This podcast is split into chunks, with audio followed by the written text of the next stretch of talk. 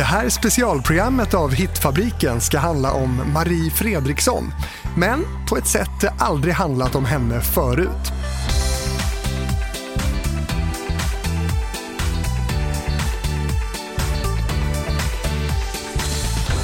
I den här serien program hör du anhöriga till kända musiker välja ut deras favoritlåtar med den personen som de är eller var nära.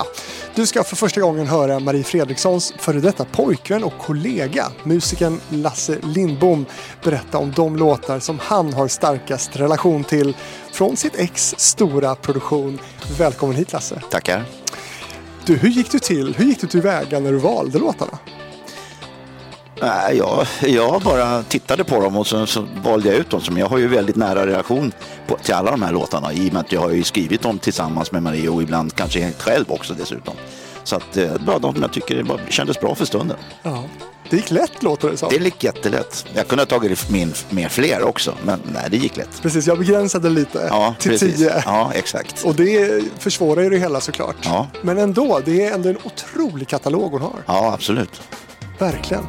Eh, Okej, okay, inte svårt. Vad bra. Ja. Då ska vi strax få höra vilka Okej. då låtar du med lätthet har valt ut. Ja. Välkommen till min före detta flickvän Marie Fredriksson. Vi tar det från början och lyssna noga nu. Det här är svensk musikhistoria.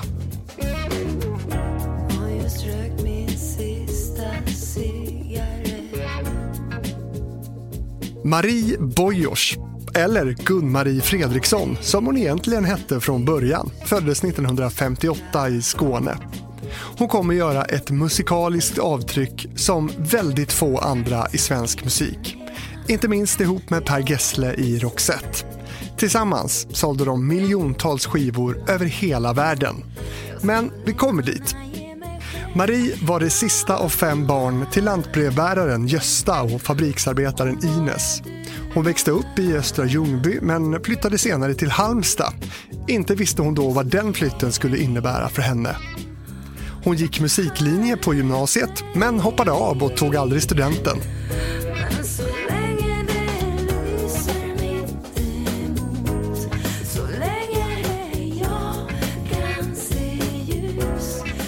Efter flytten till Halmstad var Fredriksson i de sena tonåren med och bildade bandet Strul som delade replokal med en kille som hette Per. I början av 80-talet slog hon igenom som soloartist med vispop och rock. Hennes första stora hitlåt blev den här.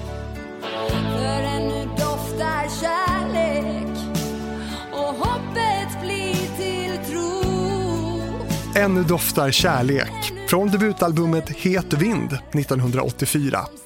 Till skivan hade hon hjälp av låtskrivare som Ulf Lundell och Niklas Strömstedt. Och Lasse Lindbom blev tidigt en betydelsefull person som producent, musiker och låtskrivare. Lasse som hon ju senare kom att ingå en kärleksrelation med.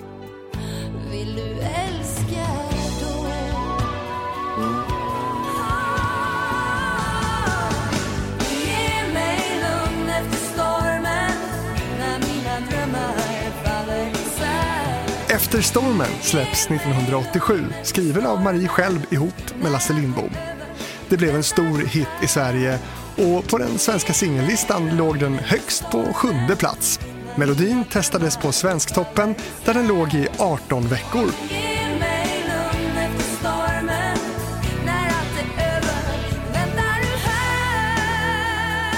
Åren tog Marie Fredriksson själv över större ansvar för sin produktion. I allt från texter till tonsättning, arrangemang och produktion. Under 90-talet började de rent rockiga dragen i musiken avta något till förmån för ballader. Men sångtekniken utmärks av hennes rötter i poppen, visan och rocken.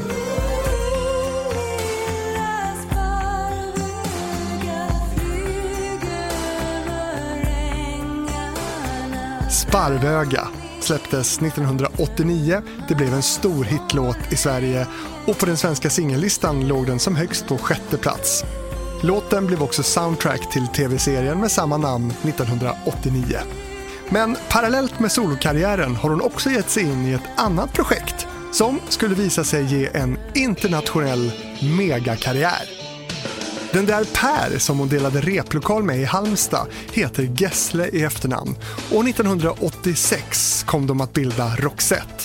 De ville slå igenom internationellt men misslyckades med första skivan. Det tog de igen sen.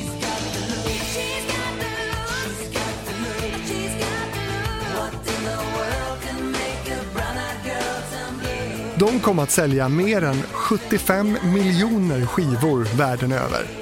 Utanför Europa blev The Look det stora genombrottet. Eller He's Got The Look, som den hette från början eftersom tanken var att Marie skulle sjunga. Tillsammans lyckades de med den enorma bedriften att få inte mindre än fyra singelettor på Billboardlistan i USA. The Look, Listen to your heart, Joyride och inte minst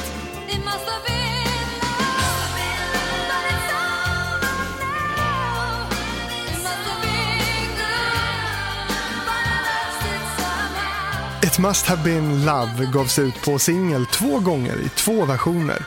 Den ena som en julsång 87 och den andra 1990. Den andra blev en stor hit som soundtrack till filmen Pretty Woman. 2005 hade sången spelats 4 miljoner gånger på radiostationerna runt om i USA. Det kan jämföras med att låten spelats nonstop i 35 år.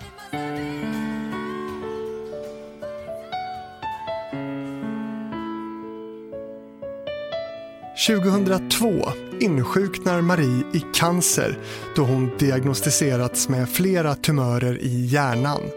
Men friskförklarades 2009. Tro, jag vill känna tro. Trots att Marie var sjuk slutade hon inte med musiken och gjorde en uppskattad comeback med Roxette. På albumet The Change från 2004 beskriver hon känslorna under sjukdomstiden. I intervjuer berättar hon att hon efter tumören fått lära sig att tala och sjunga på nytt. Marie friskförklarades efter fyra års kamp mot tumörerna. Men sviterna efter sjukdomen blev för stora. Du lyssnar till en direktsändning från Ekot när det blivit känt att artisten Marie Fredriksson har avlidit. Hon dog igår på morgonen den 9 december. 2019 avlider Marie Fredriksson, 61 år gammal och lämnar ett stort tomrum men lämnar samtidigt kvar ett stort avtryck hos oss som är kvar.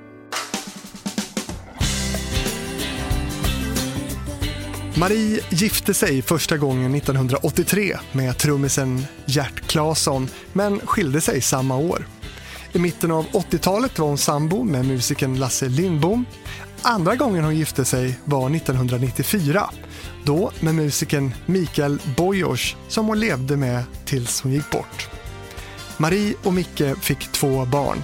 Dottern Josefin föddes 1993 och sonen Oscar föddes 1996.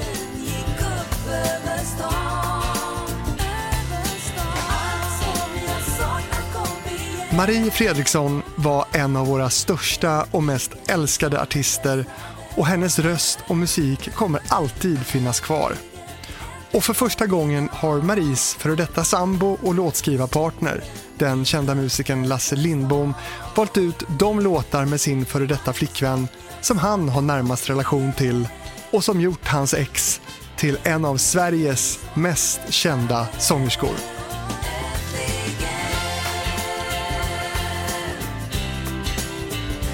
Ja, Lasse. Vilket liv och vilket avtryck hon har gjort i, i svensk musik. Det är liksom lite rys när man konstaterar hennes liksom, karriär på det här sättet. Vad, vad liksom är ditt som första minne av Marie? Ja, det var ju i samband med, med eh, att jag höll på uppe i EMI-studion och, och höll på att spela in ett eget album som, med, mi- med mitt band då, som hette Romantisk Blackout, hette, skulle plattan heta, och hette sen. Bra då, namn. Ja, då hade jag en låt där som jag ville göra som duett. Och eh, jag prövade väldigt många faktiskt. Bland annat Anneli Rudé som bl- blev lite sur men ändå tyckte det blev väldigt bra att, inte, att, att det- här med Marie blev väldigt bra. Så jag visste att jag skulle göra och då snackade jag med Per, för jag jobbade ju med, alltså Per Gessle, jag jobbade med Gyllene Tider då som producent. Då sa han, men du, den här brud, det finns en brud i Halmstad som är bra, som heter Marie. Ja, jag prövar. Så. så då kom hon in i studion där och försvann hon bara. Var borta jättelänge. Så jag frågade jag, vad, vad hände? Ja, hon var så nervös och var tvungen att gå in på muggen och, och stå och samla sig. Så det är egentligen via Per Gessle som du lär Ja, känna Marie? Det kan, det kan man säga. Det är, Absolut. hans, det är tack vare honom. Ja. Och du själv ska vi också säga, du är ju känd eh, musiker för, för många. Mm. Rockräv, får man väl säga. Eh, kanske kommersiellt mest känd för Tändet ljus, va?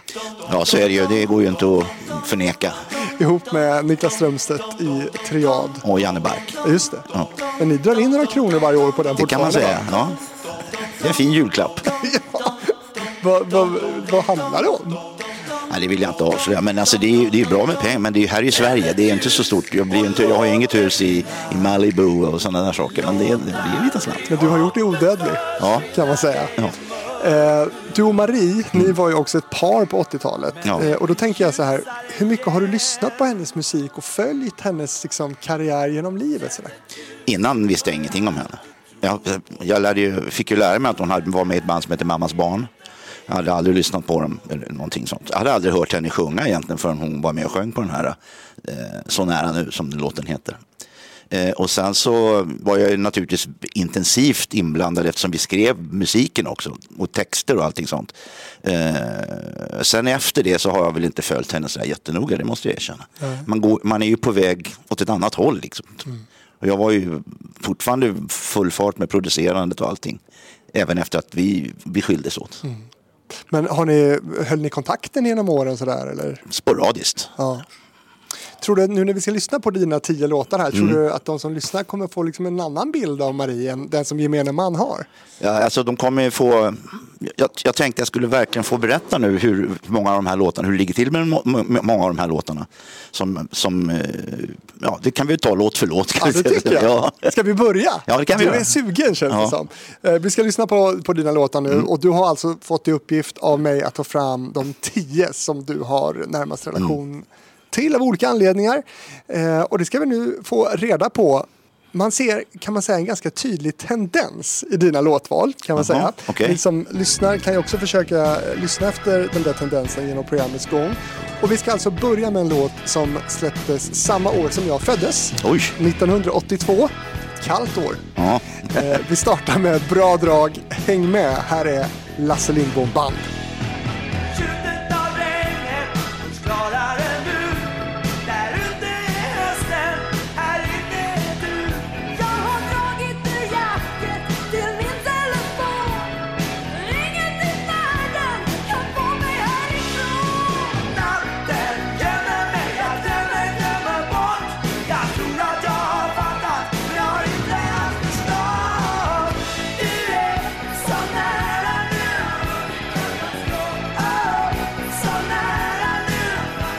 Ja, här var den då, den som du har teasat lite om. Så nära nu med Lasse Lindbom Band med Marie Fredriksson från 82. Varför börjar vi här?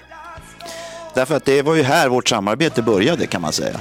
Eh, och så att jag blev ju väldigt betagen, kanske inte bara i rösten. Nej. Eftersom vi blev ett par efter ett tag efter det här då också.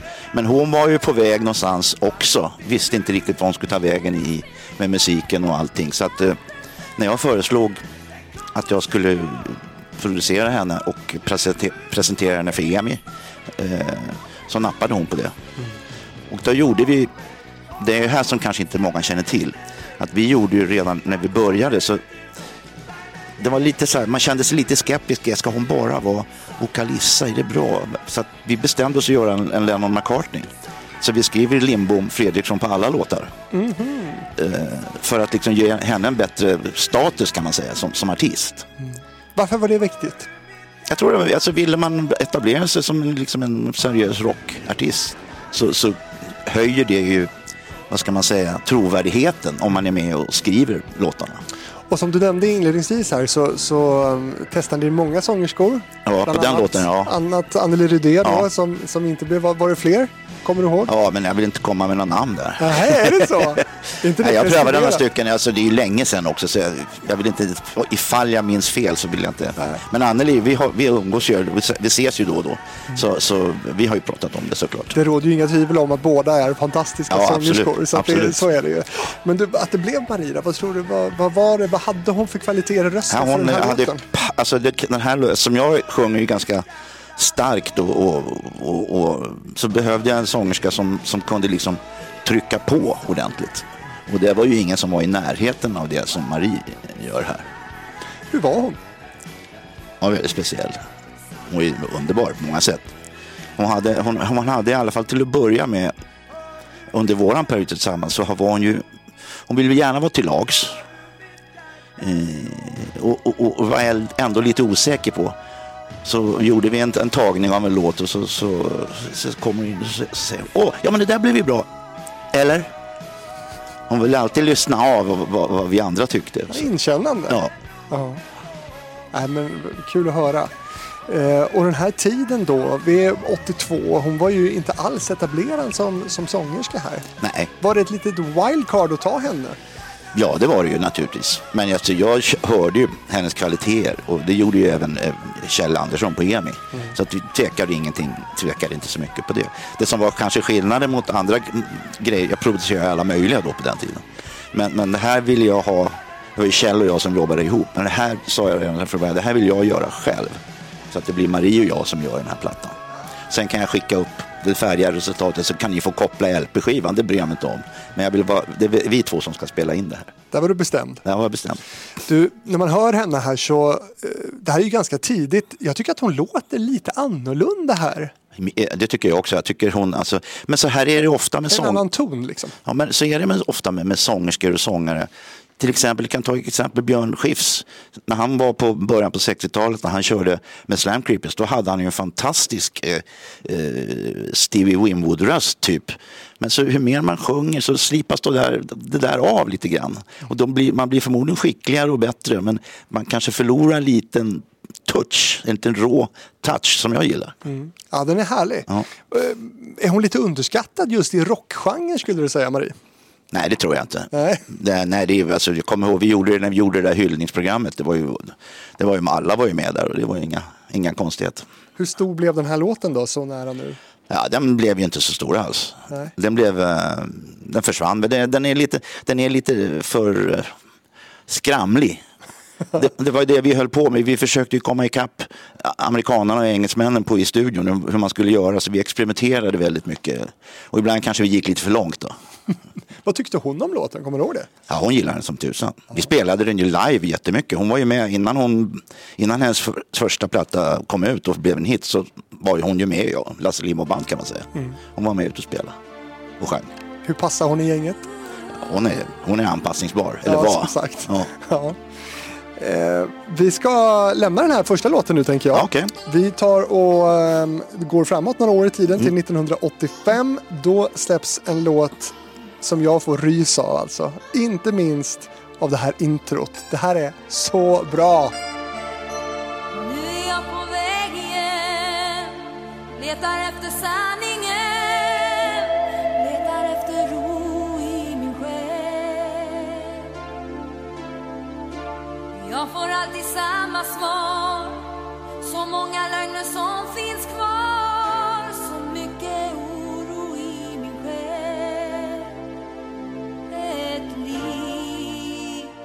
Vi lever musik eh, och diskuterar. Och, det är så kul för hela våra barn också älskar ju musik så vi pratar om musik varje dag. Mm.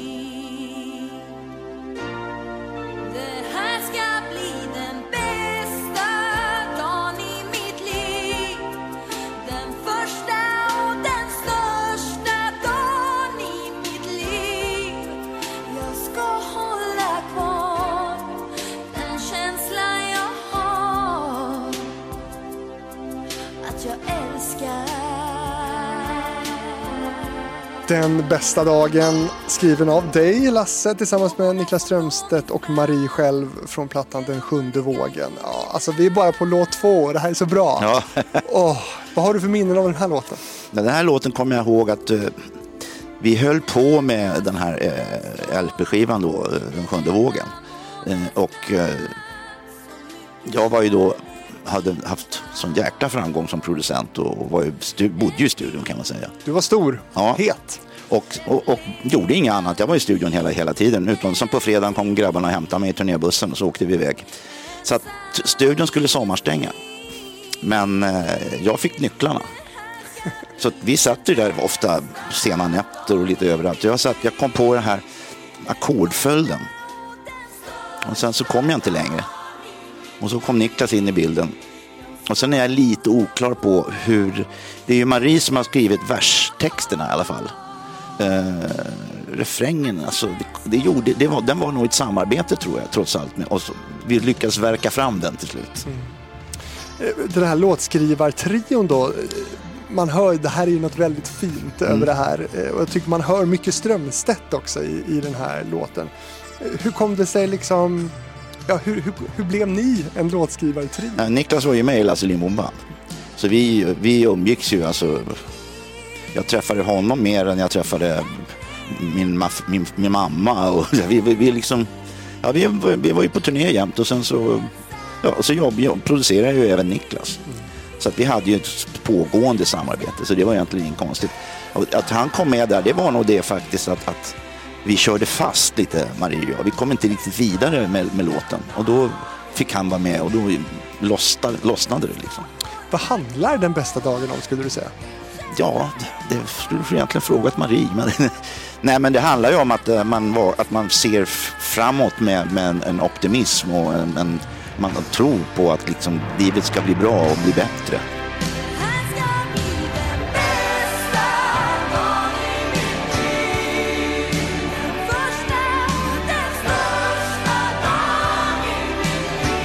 Jag pratade med en kompis om den här låten. Han spelade den på morgonen när han skulle ta studenten. Ja, det kan jag tänka mig. Det är en sån typ av låt. Ja. Och visst är det en tonartshöjning i den också? Eller låter det bara så? Nu, nu, nu satte du mig på pottan. Nej, jag tror att det är det. Den är ganska subtil i Ja. alla fall, väldigt snygg tycker Ja. jag. Ja, men det stämmer nog. Det stämmer nog. Tonartshöjningar är väl en liten vattendelare i, i, krets, i musikkretsar? Ja, det kanske var det förr. Alltså, det var ju my- mycket för att det var ju alltid det i slagerlåtarna. Liksom. Men, men det är en bra, ett bra sätt att höja intensiteten i en, en låt. Det är det. Och ju snyggare de är placerade, Ja, desto exakt. bättre. Exakt. Snillrikare. Den här låten är 5 minuter och 14 sekunder lång. Ja. Det är en väldigt lång låt. Ja, det det. Hur kom det sig? Den blev så bara. Men sen, sen hade vi ju, vi, vi hade ju den här, eller jag hade ju den här känslan att den här refrängen, den är pampig, den är stor. Den, den förtjänar liksom att återupprepas. Och så kom vi på den här idén, så vi ringde ju in eh, halva Rock-Sverige var med, och som är med och sjunger i, refrängerna. Och då tänkte jag, ska jag ändå betala de här så får vi väl sjunga några gånger. Kan du nämna några som man hör? ja, Tommy Nilsson är med, Micke Rickfors är med, uh, Anneli är med. Ja det, ja, det var alla som fanns då tyckte jag. Det. Niklas är med naturligtvis. Och säkert fler också. Stort. Eh, Vad var Maries roll då i ert samarbete? Du nämnde att hon har skrivit verserna. Ja, I den här låten ja. I den här låten. Mm. ja. Vad var hennes liksom... eh, Det var ju hon som skulle sjunga så att på något sätt så ju, skulle ju hon naturligtvis ha, ha, ha ett, en, en åsikt och en, en, en, en, eh, vad ska man kalla det, en, en vetorätt för texter. För, eh, så att hon, där var ju hon på något sätt, det var hon som skulle driva det, den biten.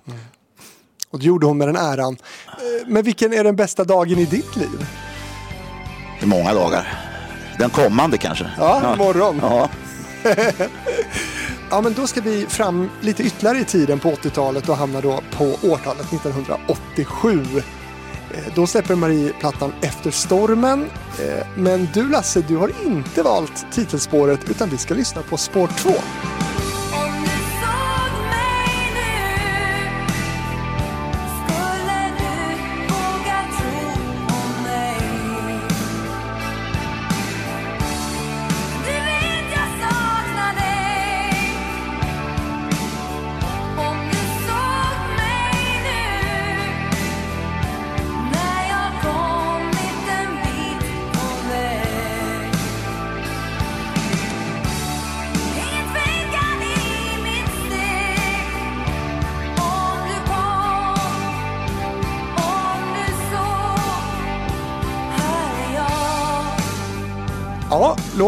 Den heter Om du såg mig nu med Marie Fredriksson från 87 alltså. Varför har du valt den här? Den har en liten historia. Men man kanske också ska säga att när vi kommer till Efter stormen, där är ju inte vi längre ett par. Eh, och, Det var eh, så att säga efter stormen. Ja, det var efter, det är kanske det den låten handlar om. Eh, Men vi valde ändå faktiskt att, att fortsätta jobba ihop. För vi kände ju båda två att vi hade ett, ett, bra, ett bra samarbete och en bra kemi i, när vi gjorde musik så att säga. Men hur gick det? Hur var det? Ja, det gick. För hur länge var ni ett par? Ja, det vet jag inte. Det kanske du vet bättre än jag. Det var några år? alltså. Ja, det var några år. Vi gjorde ju när vi skulle, till exempel när vi skrev Sjunde vågen. Då åkte vi ju, vad var det, nio veckor till Kanarieöarna och satt och skrev där nere. Så vi har, vi har ju prövat många olika varianter, men det här det funkade. Hon- kommer bra överens fortfarande här. Mm. Det gjorde vi nog alltid. Vi- Det blev aldrig någon sån där schism. Berätta om låten. Ja, den här låten, den är ju då till att börja med så får jag ju, det, det kanske, kanske, jag vet inte, jag har, det här har jag försökt egentligen inte prata så mycket om. Men många av de här låtarna är ju egentligen, är det ju faktiskt jag som har skrivit. Men jag hade ju aldrig, jag brukar säga när det där kommer upp, jag hade aldrig skrivit den här låten om inte jag visste att Marie fanns och skulle sjunga den. Så att det spelade väldigt stor roll. Men specialskrivna för henne kan Ja, man det är säga. det. Ja, rakt av. Och den här låten, den här skrev jag på... Men är du lite blygsam? Är det det du säger? Nej, jag vill inte, jag vill inte, vad ska man säga, förstöra festen. Nej. Det, det, det kommer ju upp jättemycket konstiga, det är ju roligt, det här berättar ju för folk ibland. När det kommer fram tjejer och säger, åh Marie, du, du, du förklarar precis hur en tjej känner så hur du känner. Så står jag bredvid och jag har skrivit texten. Hmm, ja okej, det är kanske en, bra till, kanske en tillgång. Du har bra koll på tjejer Lasse, Ja, det det tydligen. säger? tydligen. Ja. Ja, men den här låten i alla fall, jag, den, jag skrev den faktiskt i luften från, på plan från Halmstad. Eh, och den utbe- hon, Marie hade en väldigt god vän eh, nere i Halmstad. Som, hade, som hon hade umgås mycket i många år och han hade stött henne och hjälpt henne. Och, och de var goda, väldigt goda vänner. Som tog livet av sig. Han satt, gick ner på Östra stranden och hällde bensin på oss och tuttade på. Hon var väldigt, Marie var ju, det var ju väldigt jobbigt för henne. Jag, jag kände honom inte alls. Så, men då tänkte jag på Marie. Och att han, han, hur han skulle, hur lycklig han skulle vara om han hade vetat att hon skulle bli s- stjär- som stjärna. Så det, det handlar ju den låten om. Och den har lite rock i sig hör man ju. Ja. Eh, Och du producerade plattan. Mm. Eh, vad var det för något du ville hitta med det här albumet? Kommer du ihåg vad, om du hade någon sån där speciell vision för, för just Efter stormen-plattan? Nej, alltså vi vill ju egentligen bara fortsätta utveckla det vi gjorde på, på Sjunde vågen-plattan. Eh, här har, Sjunde vågen-plattan kan man ju säga, den gjorde ju Marie och jag och musikerna helt själva. Det spelade in när studion var stängd egentligen. På den här har vi gått ett steg längre, för nu har vi ju sålt massa plattor. Så nu får man ju vara... Så nu hade vi en, en topp, Alar Surna, som sen fortsatte med både med Roxette och alla de grejerna. Och vi försökte väl bara att, att höja nivån ytterligare lite från, från sjunde vågen. Och titelspåret då, Efter stormen, det blir den stora hitten på plattan. Ja. Varför, varför blir den så stor, tror du?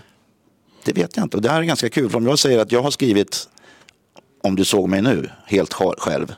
Så har hon skrivit den helt själv. Ja. Så att, men den, nej, det är en bra låt bara helt enkelt.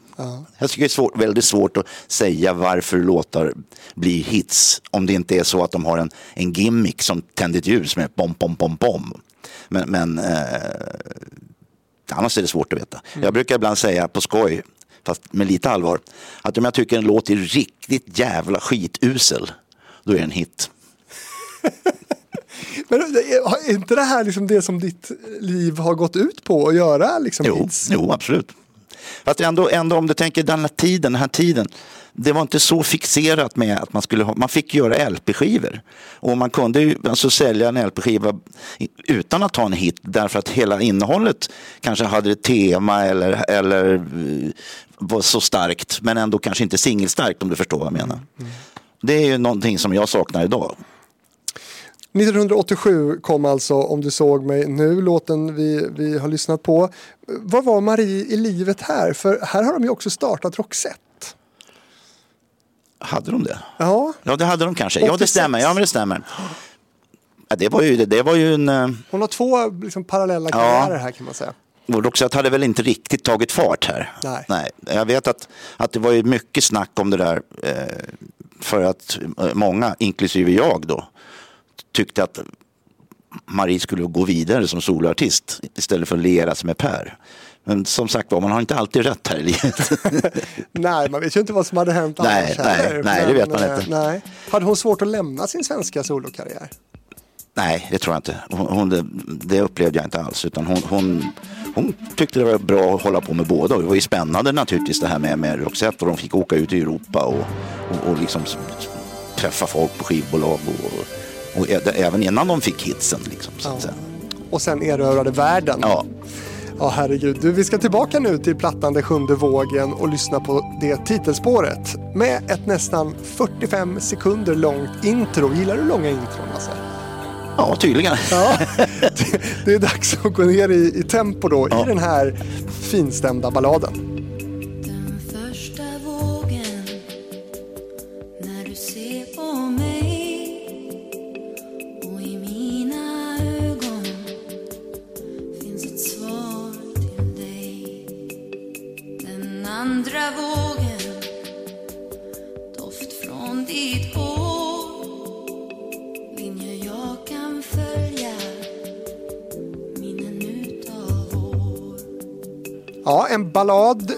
Så småningom kommer att bli ganska rockig också. Varför valde du den här? Jag tycker att det är en, ett, ett, en, en otroligt bra låt.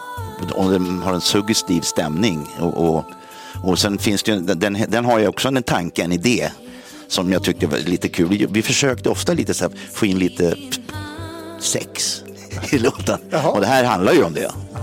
Så att eh, det var väl mycket det kanske. Plus att, En, en helt vanlig klassisk sexlåt. Ja, enkelt. Och den är, sen är det den, alltså själva titeln, Den sjunde vågen, det kommer ju från eh, den här filmen, vad hette han som, som fr- franska snubben som satt i fängelset. Och, han satt och så när han skulle fly därifrån så, så satt han och väntade på, de var på en fängelseö någonstans. Så satt han och väntade för den sjunde vågen är större än de andra vågorna. Och när han skulle hoppa i vattnet där så var han tvungen att träffa den sjunde vågen, annars skulle han slå ihjäl sig. Så det är lite grann ut, ut, utgångspunkten på den här. Okej. Men du, det låter lite som ett grepp då när du berättar att, att ni vill ha in lite sex. Ja. Liksom. Vad, vad är det? Vad, vad, vad ger det så att säga? Ja, men det är ju, det är ju på något sätt... Det gör, det spännande helt enkelt, kan man säga. Eh, inga djupare meningar än så. Nej, det, ibland behöver det ju inte vara det. Nej, nej.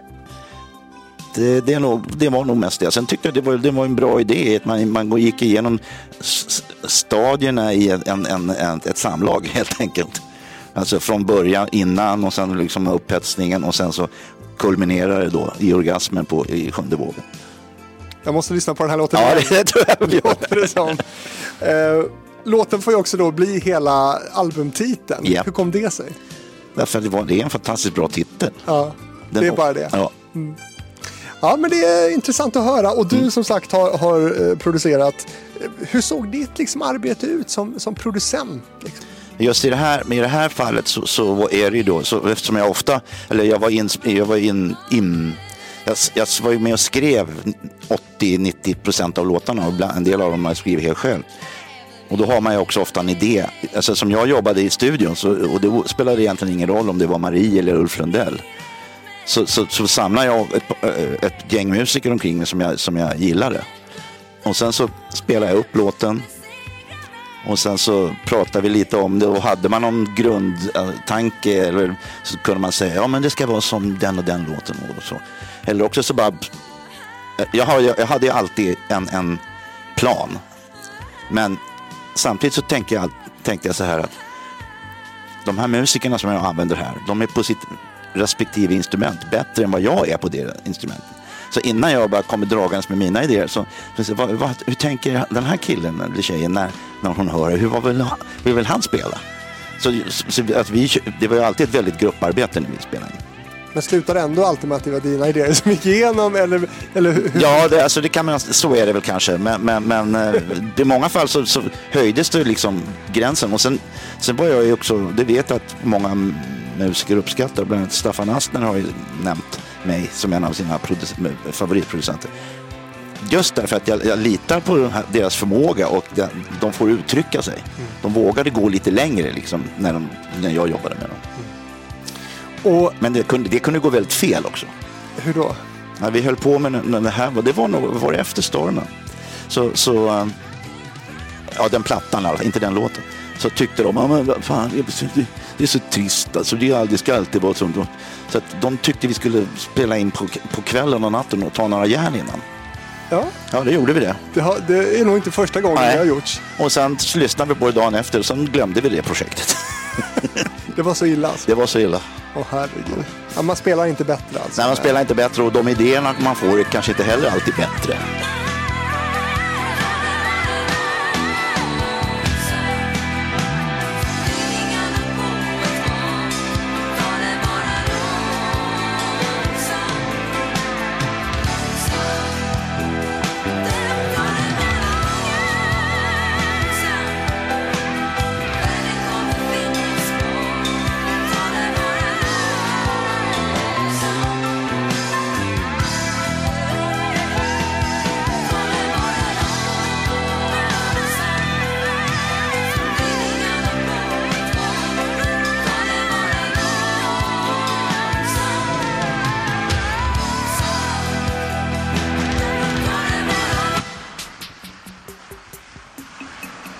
Jobbat med Marie här i ganska många år nu. Ja. Alltså från 82 Ja. till nu. Vad, vad var det för Marie du jobbade med här då? Jämförelsevis med den där Marie som, som kom helt oerfaren till studion 82. Ja, hon visste väl lite mer vad hon ville nu här. Eh, Men eh, alltså, så var hon väldigt, precis som jag berättade, hon, hon var aldrig riktigt säker på att det var bra förrän många tyckte att det var bra. Den här låten klockar in på 6.28. Det är riktiga Queen-långa låtar Ja. verkligen. Gjordes det några radioversioner av de här eller? Nej, Ni hade liksom inget kommersiellt tänk nej, kring inte det. skapandet nej, av låtar? Nej. Borde ni haft det? Ja, det kanske vi borde, men som jag sa tidigare, det var en annan tid då. Det var inte lika viktigt just det där med den där jättehitten. När vi var klara med inspelningen så, så fick, ju, fick ju Kjell Andersson och Emi bestämma hur den skulle kopplas plattan och de, hade de haft idéer på att göra en singelmix så hade, då hade vi nog gjort det. Och det kom aldrig några synpunkter på att du, den här är lite lång va? Nej, det, det har- gjorde det faktiskt inte. Det är ju bra. Ja. Du, spelar du någonting själv av Maries katalog? Har du spelat några Marie-låtar någon gång? ja, alltså det gör jag ju. Vad, vilka då? En. Men den får vi ju höra senare så då Aha. kan vi vänta lite med det. Okej, ja, vi väntar med den. Ja. Ja. Men, men har du liksom som låtskrivarkollega, producent och kanske till och med då som ex-pojkvän vid något tillfälle känt dig liksom extra stolt över Marie på något sätt? Rent karriärmässigt. Eh, ja, hela tiden skulle jag vilja säga. Hon var ju, det blev ju, hon var ju, hon var ju lite nervös av sig när det var tv, så men hon skötte det alltid väldigt, väldigt bra. Så jag, det var, jag var stolt över henne hela tiden egentligen. Liten blyghet Ja, finns inom henne. ja absolut. Hur, hur märktes det då liksom att hon började slå igenom? För du var ju med under hela den här resan. Ja. Ja, det märktes ju med att helt plötsligt så, så, så fanns det möjlighet för henne att åka ut på turné själv utan att vara med i Lasse Lindbom Band. Eller, och, och att eh, det kom ju mer folk på, på hennes gig. Och, ja, hon- får, hon fick ju mer uppskattning helt enkelt. Det märker man ju i, i vardagslivet också. Typ hur då? Ja, att folk kom fram och talade om vilken, att hon vet precis hur en kvinna kände sig. till exempel. Ja. Men hur mycket ligger du bakom hennes genombrott skulle du säga? Ja, jag tycker nog att jag ligger bakom ganska mycket. Med tanke på att, att mycket av låtarna egentligen är, är skrivna av mig till största delen. Så, så, så får jag nog ta på mig åt mig mycket av äran där tycker jag. Men som jag sa igen, att ingenting där hade hänt om inte hon, hennes röst hade varit där. Nej.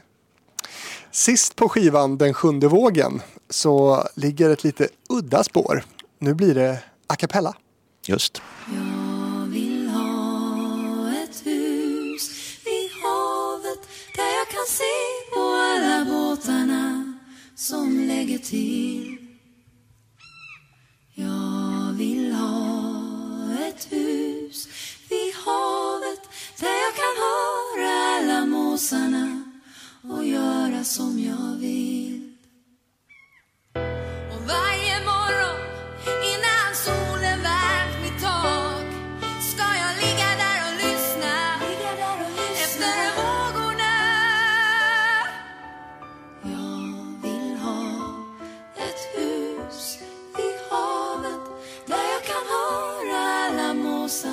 Ja, det, här är, det, det här tog jag med bara för att jag tycker att, att eh, jag gillar den förstås. Men jag vill också bara för att bevisa hur lätt det kan vara ibland att skriva en låt. Vi hade varit, åkt ner till Halmstad Hon och skulle bo där ett tag. Hon hade en lägenhet på Rotorp tror jag hette där hon bodde. Och, och det stod ett piano där som var lite ostämt. Jag är ingen vidare pianist. Men jag kan ju se ackordet. Och så kan man flytta det uppåt bara. Bling, bling. Och så gjorde jag det. Då bara, jag vill ha ett hus vid havet. Då var jag, kom jag inte högre. Så man kan, så gick jag ner. Så att den är verkligen skriven på det absolut enklaste sättet. Och, och vi hade precis snackat om att man skulle ha ett hus nere vid havet.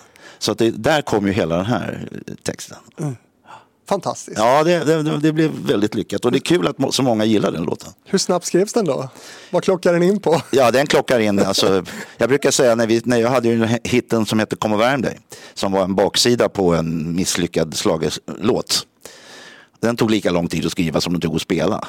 Den här tog något längre. Jag skulle tro att vi skrev den här låten på en kvart. Någonting sånt. Och hur bestämde ni er för produktionen? Den här otroligt avskalade liksom, produktionen. Det var nog för att den kom till precis som. Att den, alltså, den gjorde sig i det här lilla formatet. Det skulle vara så. Ja. Ja. Eh, Om de andra låtarna är ganska långa som vi har pratat om så är den här Beatles kort. Ja. Runt två minuter bara. Just det. Den, Ja. den, det var, den var ju också tänkt som, liksom, den passade perfekt som en sån här lite, som du sa, Beatles-avslutning. Ja. Och ligger ju också då sist på skivan, nästan som ett litet outro. Ja, eller vad man skulle ka- kalla det idag. Exakt. Exakt. Ja. Men det var aldrig ta- tal om att ni skulle bygga ut den och göra Nej, en nej, nej, den, den var, den var, alltså den, den, den hänger lite grann ihop med, med den sjunde vågen. Så det är ju, det är som en svit nästan det där. Egentligen borde du räkna ihop dem så får du en ännu längre låt. Ja, ja, men precis. Och så blir det nu ett sånt här snyggt radiointro igen som leder fram till en låt som kom bli en av hennes mest kända sololåtar.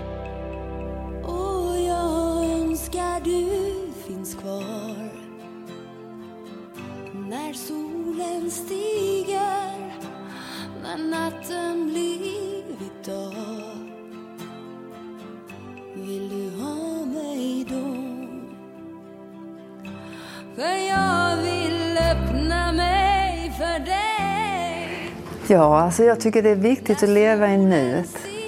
Eh, det har väl också beror, beror väl mycket på att jag blev sjuk och att det kom emellan. Man är så glad att allt gick så bra när man ser tillbaka.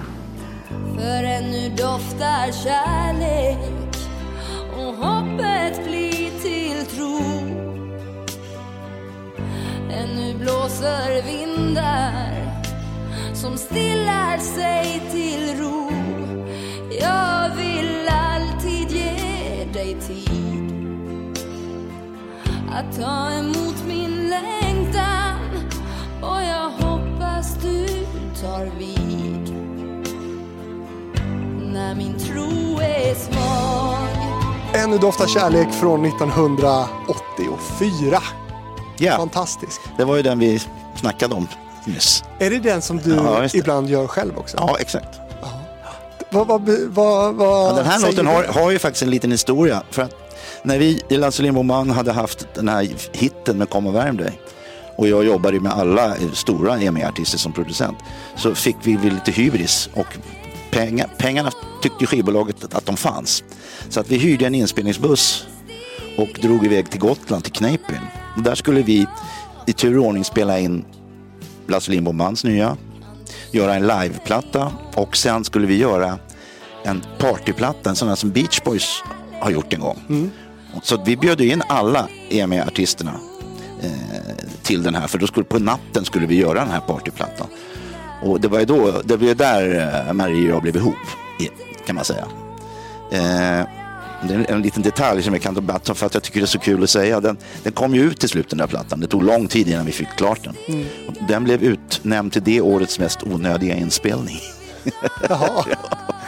Men i alla fall, då hade jag Men varför då? Varför var den onödig tyckte, Nej, tycktes det vet jag. Alltså, den var väl, det var väl inte så kul. Alltså, det, det var ju kul första gången, men sen var det Kjell Andersson inblandad och då, och då mm, blir det inte klart förrän det är klart. Kan jag säga. Han är ju väldigt noggrann. Så att eh, vi, gjorde, vi hade kanske 15 party, men först, de sista partyn var kanske inte så kul. Men Ännu doftar kärlek då eh, Ja. är din låt nummer sex av tio som jag har bett dig Ja, då att precis. berätta om Lasse Lindbom. Från albumet Het vind. Just det. Och den kom ju till så att, att eh, jag hade den liggande till min LP som inte blev inspelad överhuvudtaget. Spelade jag upp den för Marie. Och det gillade hon den som tusan. Då fanns det ingen text, fanns det ingenting. Och sen, så då la vi till, den var egentligen tänkt som någon slags gospelgrej, men då la vi till det här, mell- m- m- mus- det här instrumentala mellanspelet. Ja, precis. Och Marie skrev texten. Det är hennes text helt och hållet. Eh, det roliga med den låten, som jag berättade tidigare, då, när vi hade klar, spelat in hela den här Het vind-plattan, då skickade jag upp det till, e, till EMI. Nu är du som Bert Karlsson. Ja. Undra. Eh, eh, så skickade jag upp den så att de skulle, de skulle koppla ihop plattan i vilken ordning låtarna skulle komma. Och då var det så att den dåvarande EMI-direktören som hette Roffe Nygren, som var en fantastisk skivbolagsdirektör, han gillade verkligen musik, han var inte bara en siffernisse. Så han tände ju på, för jag hade nämligen lagt dem, jag la låtarna när jag skickade upp dem till, till EMI, la jag dem i ordning bäst till minst nöjd med. Aha. Och då låg Ännu doftar kärlek sist. Va? Ja. Men Roffe så hörde direkt, det här är en hit. Så det är hans förtjänst att den, just den kom ut som, som singel. Vi tackar alla honom för det. Ja, kan man jag, säga. jag, jag sa ju det. Alltså, värsta, det, det jag tycker sämst om är ofta hits.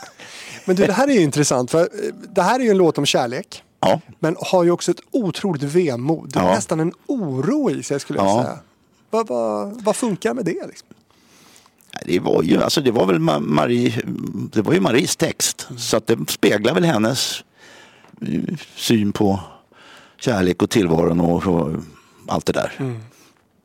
Häftigt och, och få en sån här stor hit. Det är ju väldigt bra. Vad får du för, för reaktioner när du framför den? Alla, alla känner ju igen låten. Den är, så att den får jag, blir alltid väldigt väl mottagen. Eh, den är ju, alltså, allting jag har skrivit är ju den näst mest lyssnade på, på Spotify. Den ligger väldigt, väldigt, väldigt långt efter eh, Tänd ljus, men den är ändå, jag tror att det är 6 miljoner streams eller något sånt där. Så det är Tänd ljus, det är Ännu doftar kärlek. Vad kommer sen? Och det vet jag inte, jag tror det är någon gammal landslaget-låt. Men den är inte uppe, jag tror inte de är uppe i en mil, mil ens en gång. Du har gjort en hel del Ja, kan man jag. konstatera. Ja. Du, och sen var ju, som sagt, vi har ju varit inne på det här med att ni ju också eh, arbetade ihop och hade ett privatliv ihop. Ja. Det här med att ha en känd flickvän, hur är det? Ja, det är ingenting jag eftersträvar kan jag säga. Jag brukar alltid säga att det det är ingen bra idé att vara ihop med, med någon som man jobbar ihop med heller. Är det inte det? Nej, för det, det, det, vet, det flyter ihop. Alltså jobb och, och vardag blir liksom, det blir en jävla röra. Så att det var väl en grej som inte, som inte funkade. Var det det som gjorde att det inte... Nej, det tror jag inte. Det var, alltså, Ma- Ma- Ma- Marie blev ju ihop med trummisen i bandet. Jaha. Så du blev brädad helt Jag enkelt? blev brädad. Och den, det, här, det finns det också en låt om. Vad, vad heter den? Den har du med. Den är med? Ja, Ja. då återkommer vi till Ja, den då. ja. Blev det någon slags triangeldrama här? Eh, ja, det kan man väl säga att det blev. För att han var ju med och spelade trummor eh, på eh, sjunde vågen. Och, och de visste ju, men jag visste ju inte. Så jag var, vi var ju i studion samtidigt. Och det blev väl kanske lite konstigt, men det är förvånande sen när det väl kommer till kritan. Så ja, men vad fan, ja, vi fortsätter att jobba när vi skiter i det. Men du, ja, du, du blev egentligen, vad säger man? Jag blev brädad. Du blev brädad utan att du visste om det. Ja, precis. Hon var otrogen mot Hon dig. var, det var, exakt. Så kan man säga. Så kan man säga. Okej, men du gör mig eh, varse om när låten Ja, kommer då. absolut. Eh, så tar vi oss tillbaka till 86 och albumet Den sjunde vågen igen och låten som fick öppna hela plattan.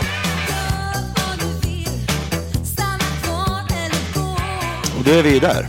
Ja, vi är redan Ja, här. ja.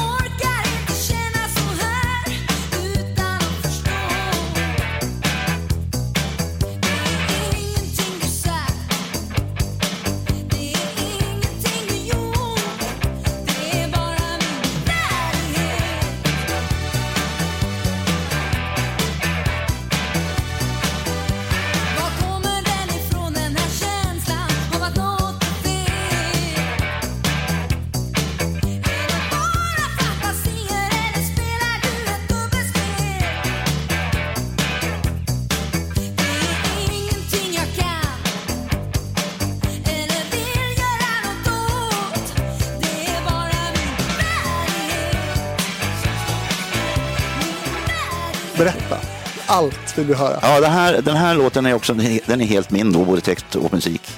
Eh, jag satt hemma, jag hade en, en, en etta med kokvrå på Pastellvägen. Eh, och där bodde, bodde, eh, där bodde ju Marie då, helt enkelt. Men hon var ute på turné och jag mådde dåligt. Han kände mig, alltså det kändes konstigt. Alltså jag kände mig, ja, ja, jag kände mig otrygg. En dålig magkänsla Ja, kan man verkligen säga. som inte Samarin kan bota. Nej. Och, eh, och då skrev han den här låten och den, den, om man lyssnar på te- texten alltså, så är det ju. Jag vet, alltså, jag vet inte om att hon är ute och, och, och vänstrar. Men jag vet det på något sätt. Letar efter guld och ärlighet Ja. men känner bara min ensamhet. Ja. Men du skriver det och låter också henne sjunga Ja. det. Ja, det är vet, som jag hon, sa, vet hon vad hon sjunger? Det tror jag inte. Alltså, jag, har inte betal, jag har inte talat om det i rena ord, men jag menar, hon fattar väl. Jag tror hon fattade även när vi höll på med det, för att hon visste ju att jag inte visste. Men det är, det är ju intuition. Vad är det som gör att du ändå kan gå vidare liksom efter en sån... Därför Episod. att, ja, det var helt enkelt därför att eh, jag hade så stark tro på det vi gjorde. Jag tyckte att alltså, det blev väldigt, väldigt bra. Och det var ett, ett, för mig var det ett, ett konstnärligt eh, eldorado. Att kunna få skriva låtar till en, en, en tjej som hade den, den kapaciteten att tolka. Och, så det vill jag ju inte missa. Så enkelt då.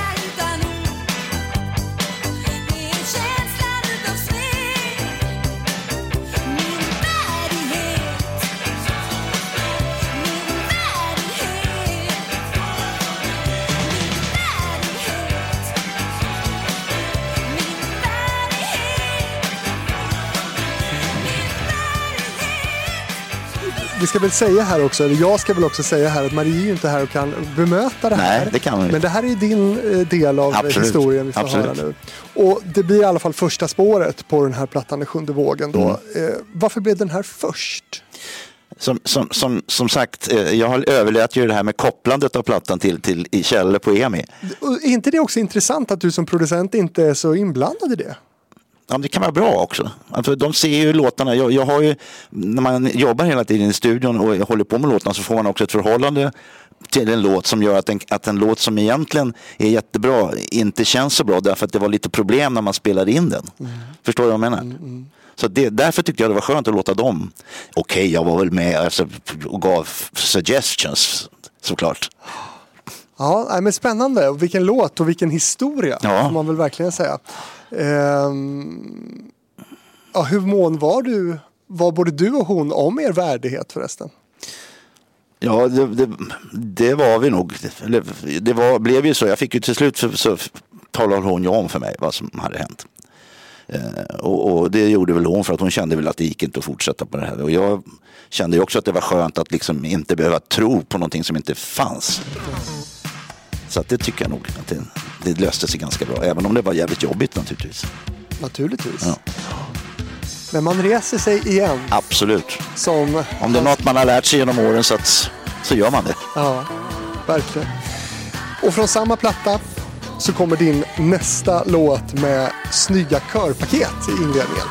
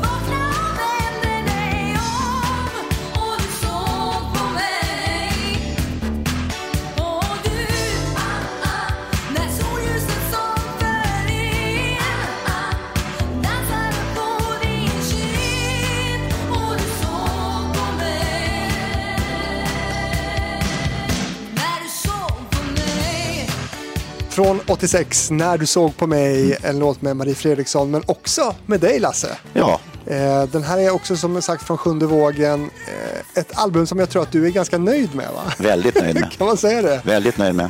Alltså, Och- den, jag har ju massor med sådana här guldskivor Ja. och platinaskivor. Alla sätter jag inte upp på väggen, men den där sitter upp på väggen.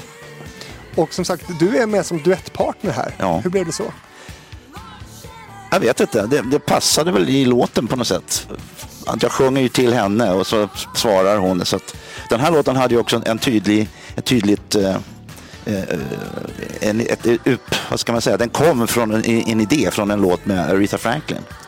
På en, en av hennes senare plattor som var producerad av den här Michael Narada, Michael Walden heter han va? Mm, och den, så att om man lyssnar på den låten, nu kommer jag tyvärr inte ihåg vad den heter, med, med Aretha Franklin, så, så hör man väldigt tydligt att produktionen är väldigt liksom, influerad av den låten. Eh, Stulen slash eh, influerad. Ja, Hur- hur- Vad har du tagit för, för eh, inspiration från andra, just när vi pratar om de här Marie-låtarna? Finns det någon sån som ligger i närheten av, av just Maries katalog där skulle du säga? Nej, alltså, jag, den är, den är, alltså, det är nog en slags eh, det är en slags en produkt av eh, hennes och min kemi som, som är musik, musiker och artister och eh, en slags eh, symbios av allt jag har lyssnat till och, och, och, och hämtat saker ur under hela min karriär som producent. Och vad har du för minnen från, från inspelningen av, av den här låten då? Just den här låten, alltså alla, alla minnen från den här, den, det blev ju väldigt speciellt eftersom vi var ju själva i studion. Så ibland kunde vi liksom, äh, vi tar långlunch. Så åkte vi ner på, på, på eh, Café Opera och käkade lunch och så kom vi tillbaka vid sjutiden. Ska vi sjunga lite nu? Ja. Långlunch tillbaka vid 19. Jag Ja. ja. Och så började pröva och så skulle Marie sjunga lite så nej. Det var nog inte bra. Vi, vi gör något annat än sjunger liksom. För att det, jag tyckte det hördes att hon blev inte lika, det hördes på rösten att hon hade druckit lite. Ja. Eh, så det var väl sådana grejer. Och sen att vi verkligen, vi, vi, vi, vi hade ju inga, vad ska man säga, Ha- när man jobbar i studio med tekniker så då är allting på ett visst sätt. Men vi hade ju egentligen ingen teknisk kunskap så vi hittade ju på de mest makalösa grejer. Vi försökte spela in bongos i stereo till exempel med två mickar, en på varje. Så det var, vi gjorde mycket sådana här grejer och, och höll på och det var jävligt kul. Kul. Ja. Verkligen uppfinningsrikedomen var, Ja. var stor. Kom det också med så att säga, den möjligheten ni hade att labba så mycket och länge då? Ni hade Ja. mycket pengar helt enkelt. Ja, ja vi, vi, alltså EM-studion var ju fantastiskt. För att normalt sett när man får jobb som producent, då måste man börja med att göra en budget. Men EMI-studion, det behövde man inte göra någon budget. För det var ju EMI-studio, det var ju ingen kostnad den stod ju där liksom. Ni körde bara. Vi körde bara. Och det, det var fantastiskt. Och du och Marie, ni samarbetade ju mycket. Eh, vilka andra musikaliska samarbeten som hon har gjort under sin karriär uppskattar du? Ja, det är det med Per då naturligtvis. Eh, men som jag sa, och det kanske var en reaktion på att jag inte var med längre, så, så har jag inte lyssnat mycket på det hon har gjort egentligen. Hon gjorde väl någonting på den här Cornelis-plattan, va? Som, men det var väl inget samarbete, det sjöng hon väl själv. Ja, det är möjligt. Ja, Men du hade egentligen velat fortsätta samarbetet, är det så jag ska tolka det? absolut. Absolut. Försökte du det? Det här, är, det här är också en grej som är väldigt tråkig, men som är väldigt typisk att vara i skivbranschen. Eh, när man inte, när man har en liksom, man har gjort som vi gjorde i tre plattor. Man jobbar fram, man ska börja med nästa, men man hör inget. Och sen får man få höra, så får man höra, ja Marie gick in i studion. Jaha. Det är aldrig någon som säger, "Ja, det här var jävligt bra Lasse, vi har haft jävligt kul och det har blivit väldigt bra, men nu vill jag pröva något annat. Det har bara hänt med en artist. Och det var... Per Gessle. Vi satte oss ner och sa att jag gjorde ju Gyllens fyra första, hans två första soloskivor också. Men vi satte oss ner också på Café Opera och, och sa, och, och sa nej men nu, nu räcker det va. Nu måste vi pröva någonting annat. Men annars ofta, det kan bli likadant med Grymlings till exempel. Där gjorde jag ju första. Och där fick jag också höra på omvägar att det var någon annan som gjorde det andra. Så det där är typiskt, folk har, de är konflikträdda. Vi kan konstatera att det är mycket som har hänt under luncher på Café Ja, det kan du säga, ja. Och, och vi kan också konstatera då att, att det finns en kultur i branschen som, som är lite... Oproffsig skulle jag vilja säga. Ja, Men, men tror du att det är likadant idag som då? Har det hänt någonting? Jag tror det har hänt mycket faktiskt. Och, alltså, det ser inte heller likadant ut idag. Det är ju, ja, man tittar då, så är det ofta mycket, mycket mer folk inblandade på plattor. Som, framförallt som låtskrivare. Så kan det ju vara åtta låtskrivare på en låt. Så det är, det är stor skillnad på alla, på alla sätt och vis. Vi ska till den näst sista låten nu. Det går fort i hockey. Ja. Och vi ska gå in i något mindre rockigt och mer bluesigt nu.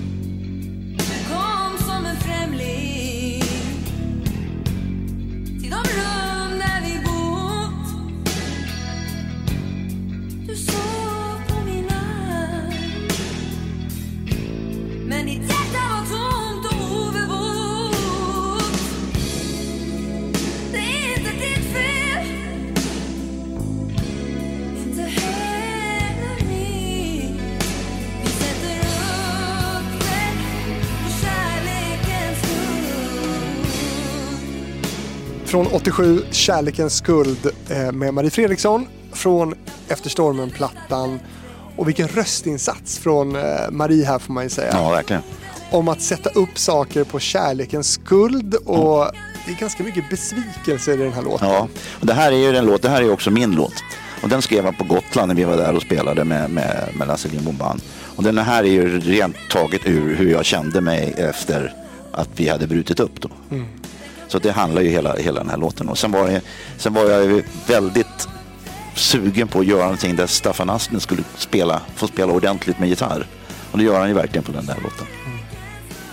Så en, en låt om uppbrott och det här med att skriva om så här privata saker, det håller ju ni musiker på med hela Ja, tiden. ja, det är det, dagbok för er, det är att släppa Ja. en ny, Ja. ett album. Ja. Är det något du har reflekterat kring det där? Att, att vara så otroligt privat i ja, offentlighet? När man försöker att inte vara det så, så blir det ofta inte bra, helt enkelt. Nej. Så att eh, det, det är ju ett sånt stående skämt i, i, eh, musikbranschen, i alla fall i min värld, att det gäller att man går igenom lite skilsmässor och, så, så man har något att skriva om. Vi tackar alla för det. Ja. Men hur utlämnande kan man vara? Det finns naturligtvis gränser, det gör det ju.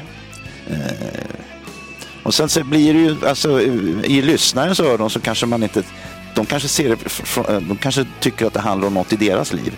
Det är ju det som gör, tycker jag, att om man, om man vågar gå djupt in i sig själv och, eller beskriva situationer som så tror jag att de som lyssnar kan ta till sig det och, och, och relatera till något som har hänt i deras liv.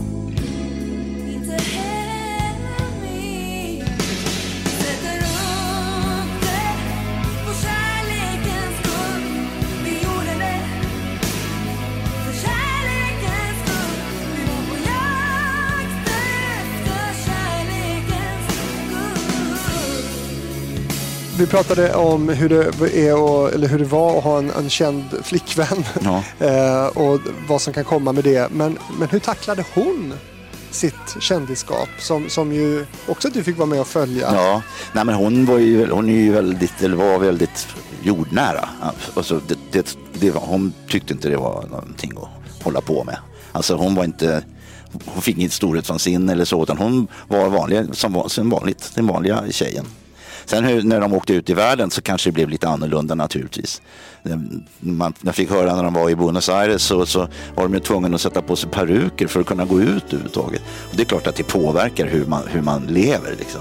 Lilla blyga Marie. Ja, och sen naturligtvis så kommer det in mycket pengar, fantastiskt hus på Djursholm. Det är klart man får andra vanor och andra sätt att leva livet. Det, det, så är det ju. Och med piano och ledsen trumpet så ska vi avsluta din låtlista Lasse med den sista låten på den plattan.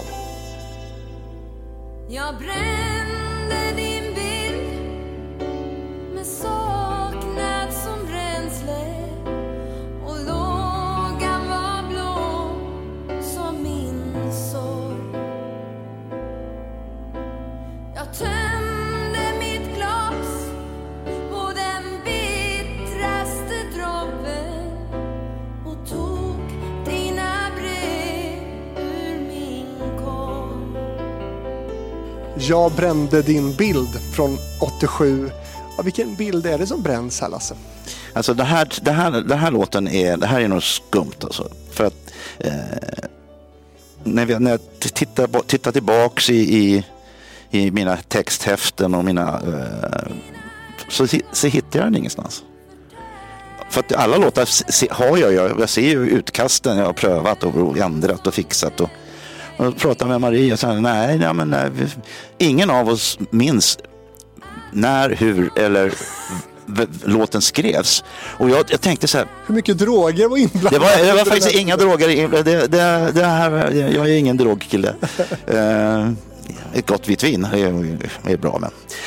Eh, nej, alltså det jag var orolig för, därför att jag tycker det är en fantastisk text. Eh, så jag, för att när jag skulle träna, då kunde jag ta en, en, en låt, en, en amerikansk låt och så gjorde jag bara direkt textöversättning. Bara för att känna, känna stäm. Och så kanske man utgår från någonting av det. Så jag satt ju och bläddrade i de där pärmarna för, så att det, för jag var rädd för att det där var någonting som jag hade snott. Men det, det verkar inte vara så, för det är ingen som har hört av sig med nå- några sådana kommentarer. Så att det här är en, en helt mystisk låt som egentligen inte finns. Ja, det är något skumt. Men när du hör den då, känner du igen den eller? Nej, ja, jag känner igen det för det vi har gjort, men inte, jag får inga andra tankar och så. Otroligt. Ja. Men den är vemodig du. Ja, den är verkligen. Men det är också, som vi har snackat mycket om nu, det är, den är väl också född ur våran skilsmässa och våran, såklart. Hur självklart var det med den här trumpeten då? Jag lyssnade på den där häromdagen, jag vet inte om den är så jäkla bra. Det, det, det, det, Jag gillar var, trumpet i all musik egentligen. Men ja. Ja, men det, alltså, grejen är, att det här är ju också så, eh, när vi spelade in den här så var vi tvungna att göra någonting som man ju sällan gör. Så att Marie sjöng direkt, alltså på, eh, inget pålägg efteråt och allting. Allting gjordes live så att säga. Och jag kommer inte ens ihåg vem som spelade på trumpeten, det är det värsta det. Det är Säkert länge någon sedan. prominent. Ja, det var det säkert.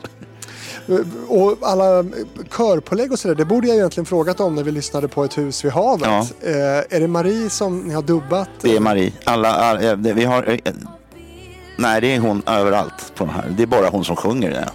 Bortsett från mig då på den här, om du såg mig, den andra. Varför valde ni att göra så? Därför att vi kunde. Ja, jag, det, jag kan säga bästa dagen, där är det ju en kör också. Med Tommy Nilsson? Ja, med Tommy Nilsson och Micke Rickfors och vilka det nu var. Men annars så gjorde vi eh, bara, sjöng hon allting själv.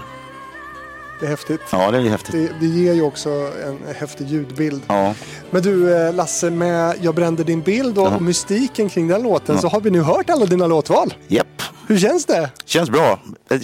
Jag gjorde faktiskt för några år sedan så gjorde jag en, en, en spellista till Spotify med allt som vi har gjort tillsammans.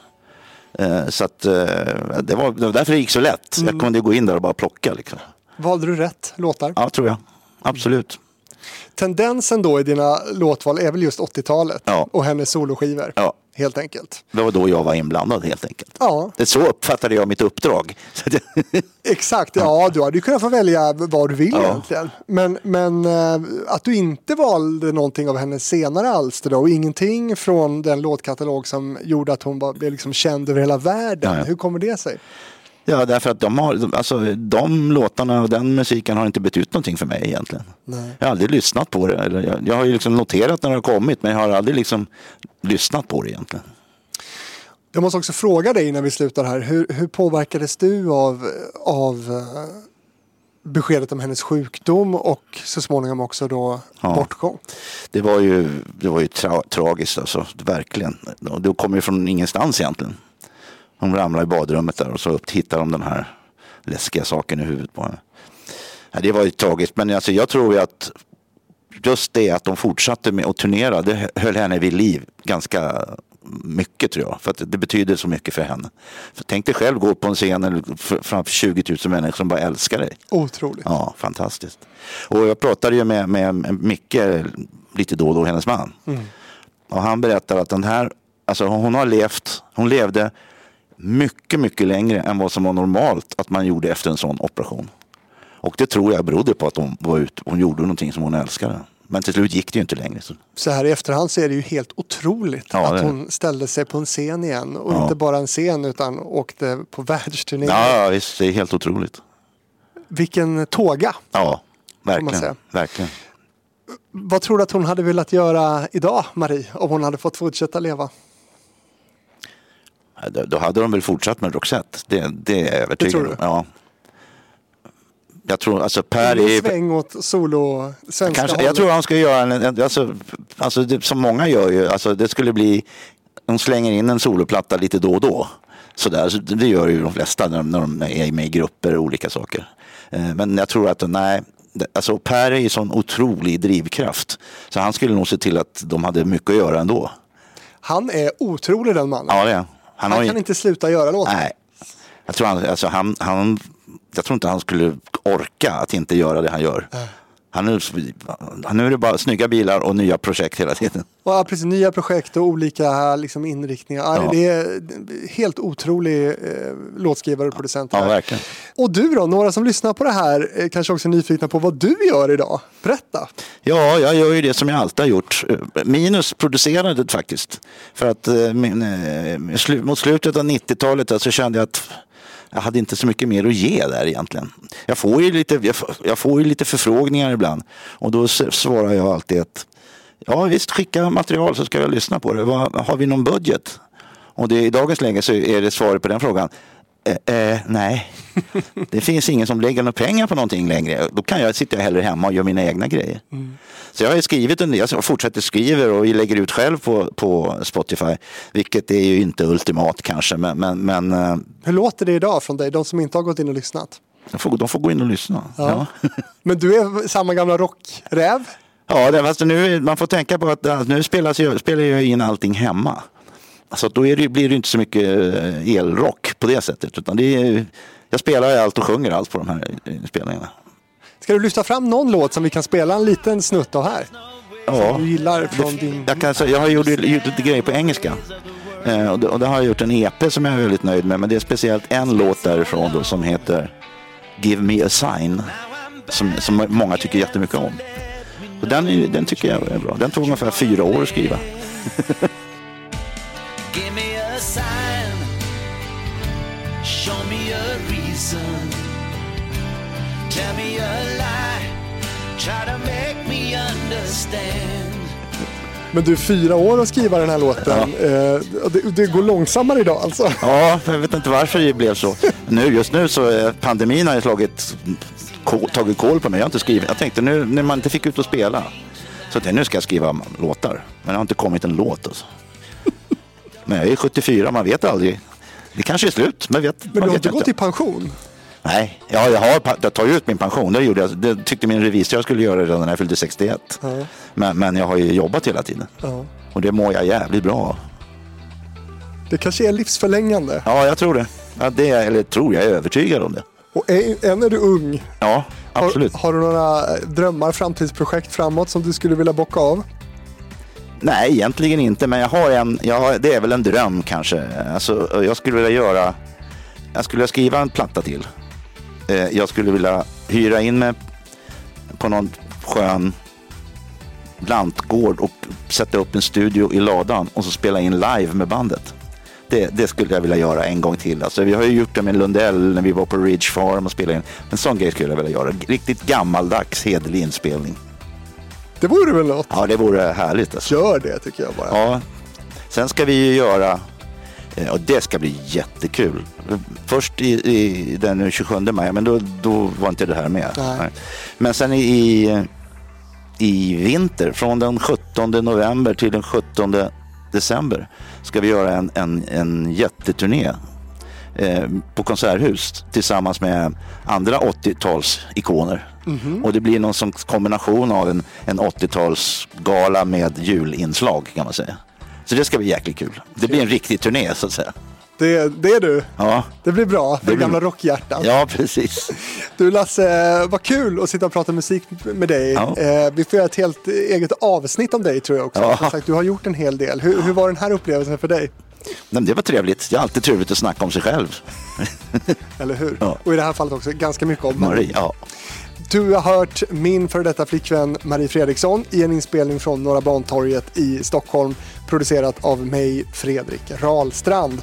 Gillar du det här programmet då finns det fler i samma serie att hitta i det här flödet och på min YouTube-sida som heter Fredrik Rahlstrand. Vill du komma i kontakt med mig då gör du det på fabrikspost gmail.com. Ja, det här blev ett avsnitt om både musik, sex, uppbrott och svek. Lasse Lindbom, tack för att du var med. Tack så mycket.